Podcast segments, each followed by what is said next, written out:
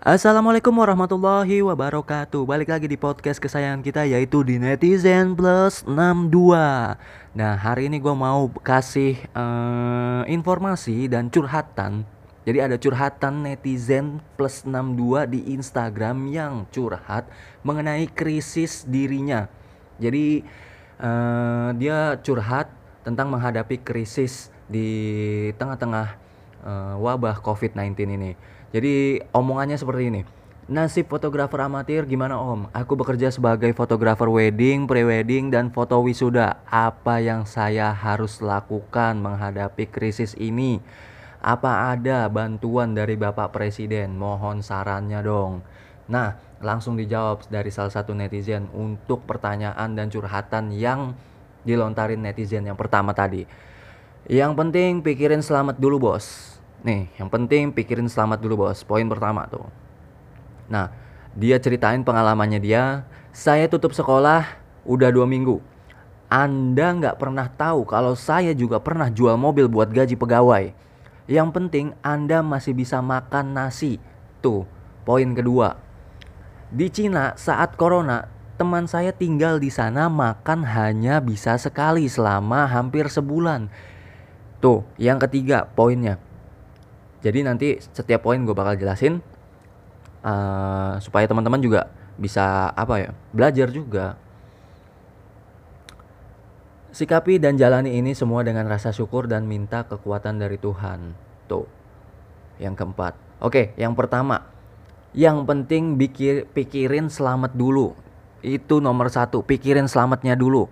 Selamat itu berarti kita uh, terjaga dari penyebaran virus COVID-19 ini. Nah, yang kedua,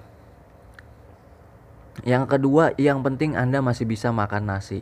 Ya, betul, karena supermarket, pasar itu belum ditutup dan bahan makan sembako kita masih mencukupi untuk kalian bisa stok di rumah. Tapi jangan ditimbun. Kalian bisa stok jangka waktu sebulan atau misalkan sampai uh, nanti ketemu gajian atau mungkin bisa untuk seminggu ke depannya kalian masih bisa stok karena persediaan uh, sembako di supermarket atau pasar itu masih siap buat nampung uh, permintaan customer kita atau permintaan masyarakat-masyarakat Indonesia. Nah, yang ketiga nih, kita juga harus belajar di Cina saat corona temennya itu uh, makan hanya bisa sekali selama hampir sebulan. Jadi kita harus wajib, wajib dan wajib bersyukur nih. Lu jangan ngeluh mulu deh, pokoknya. Kalau lu ngeluh mulu kagak ada kemajuannya. Lu berusaha, berdoa biar ada jalan usaha jalan keluarnya di tengah-tengah permasalahan COVID-19 ini, ya kan? Tetap bersyukur, ya kan? Nah, Tuh yang terakhir, tetap bersyukur dan minta kekuatan dari Tuhan. Poin yang keempat tuh. Bener kan gue bilang tetap bersyukur, minta uh, kekuatan dari Tuhan supaya lu tuh bisa dikasih arahan ataupun jalan keluar dari permasalahan uh, COVID-19.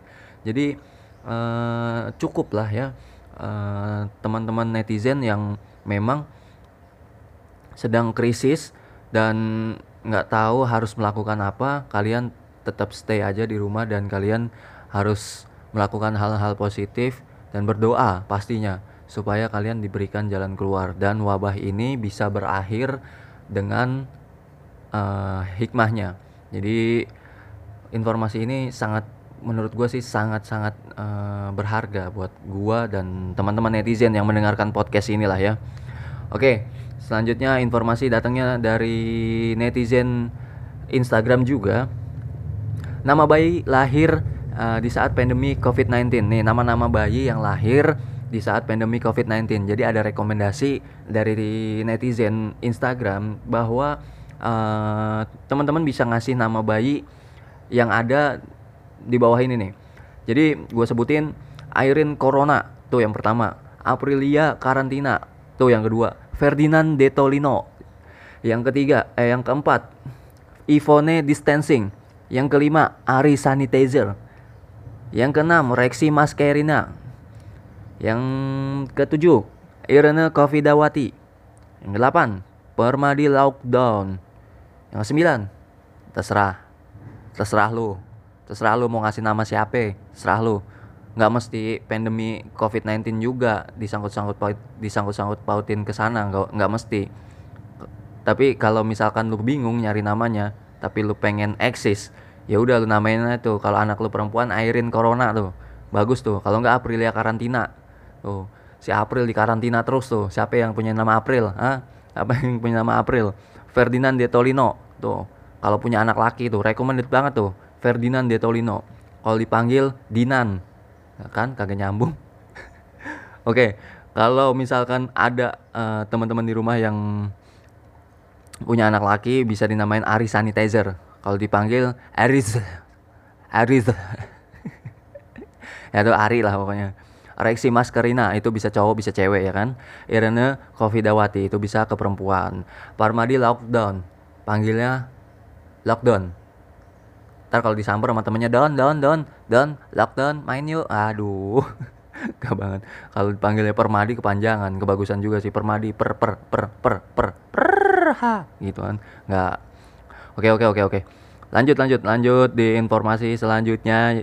Masih datangnya dari netizen Instagram. Jadi ada beberapa pengetahuan buat teman-teman di rumah bahwa kucing juga uh, memiliki rasa sakit bahkan bisa cedera otot karena uh, mengangkat kucing dengan cara tengkuk lehernya diambil ya kan. Biasanya kan kalau kucing dari kecil tuh diangkat sama indukannya itu di tengkuk lehernya ya kan. Nah kalau udah gede lu jangan lakuin hal yang sama waktu dia masih umur tiga bulan dua bulan. Jangan lu lakuin hal yang sama karena uh, semakin besar tubuh si kucing dan dia juga punya berat badan itu kalau lu lakuin hal yang sama diangkat dari tengkuk lehernya itu malah bisa bikin cedera otot bahkan ya nyiksa lah hitungannya ya kan cedera otot. Uh, mohon maaf banget buat kucing gue yang gue juga masih ngalamin hal kayak gitu masih ngelakuin kayak gitu. Jadi gue mohon maaf banget dan gue baru tahu ini informasinya. Jadi buat teman-teman di rumah yang punya kucing yang udah dewasa jangan sekali-kali kalian angkat di tengkuk lehernya lagi ya. Karena kucing yang sudah dewasa mudah mempunyai berat badan. Jadi kalau misalkan diangkat dari tengkuk lehernya itu malah yang ada bisa-bisa sampai cedera otot. Wah aduh bahaya banget ya. Maafkan gue ya. Maafkan maafkan maafkan dan maafkan. Karena gue nggak tahu. Kalau gue udah tahu uh, informasi ini ya gue nggak bakal ngulangin lagi. Oke lanjut informasi selanjutnya pengetahuan hypnic jerk hypnic jerk ini sebuah rasa kaget atau efek sensasi seolah terjatuh saat tidur terjadi pada tahapan polisomnografi. Nah, ya kayak gitulah. Soalnya gue juga baca kan, baru baca. Nah, kalau misalkan salah pengucapan ya gue mohon maaf banget. Uh, sebelum masuk tahapan mimpi, hampir 70% orang di dunia telah mengalaminya. Ada yang pernah ngalamin nggak? Jadi, lu tidur. Pas lagi sebelum lu mimpi, baru beberapa menit, tiba-tiba lu kayak uh, jatuh dari ketinggian.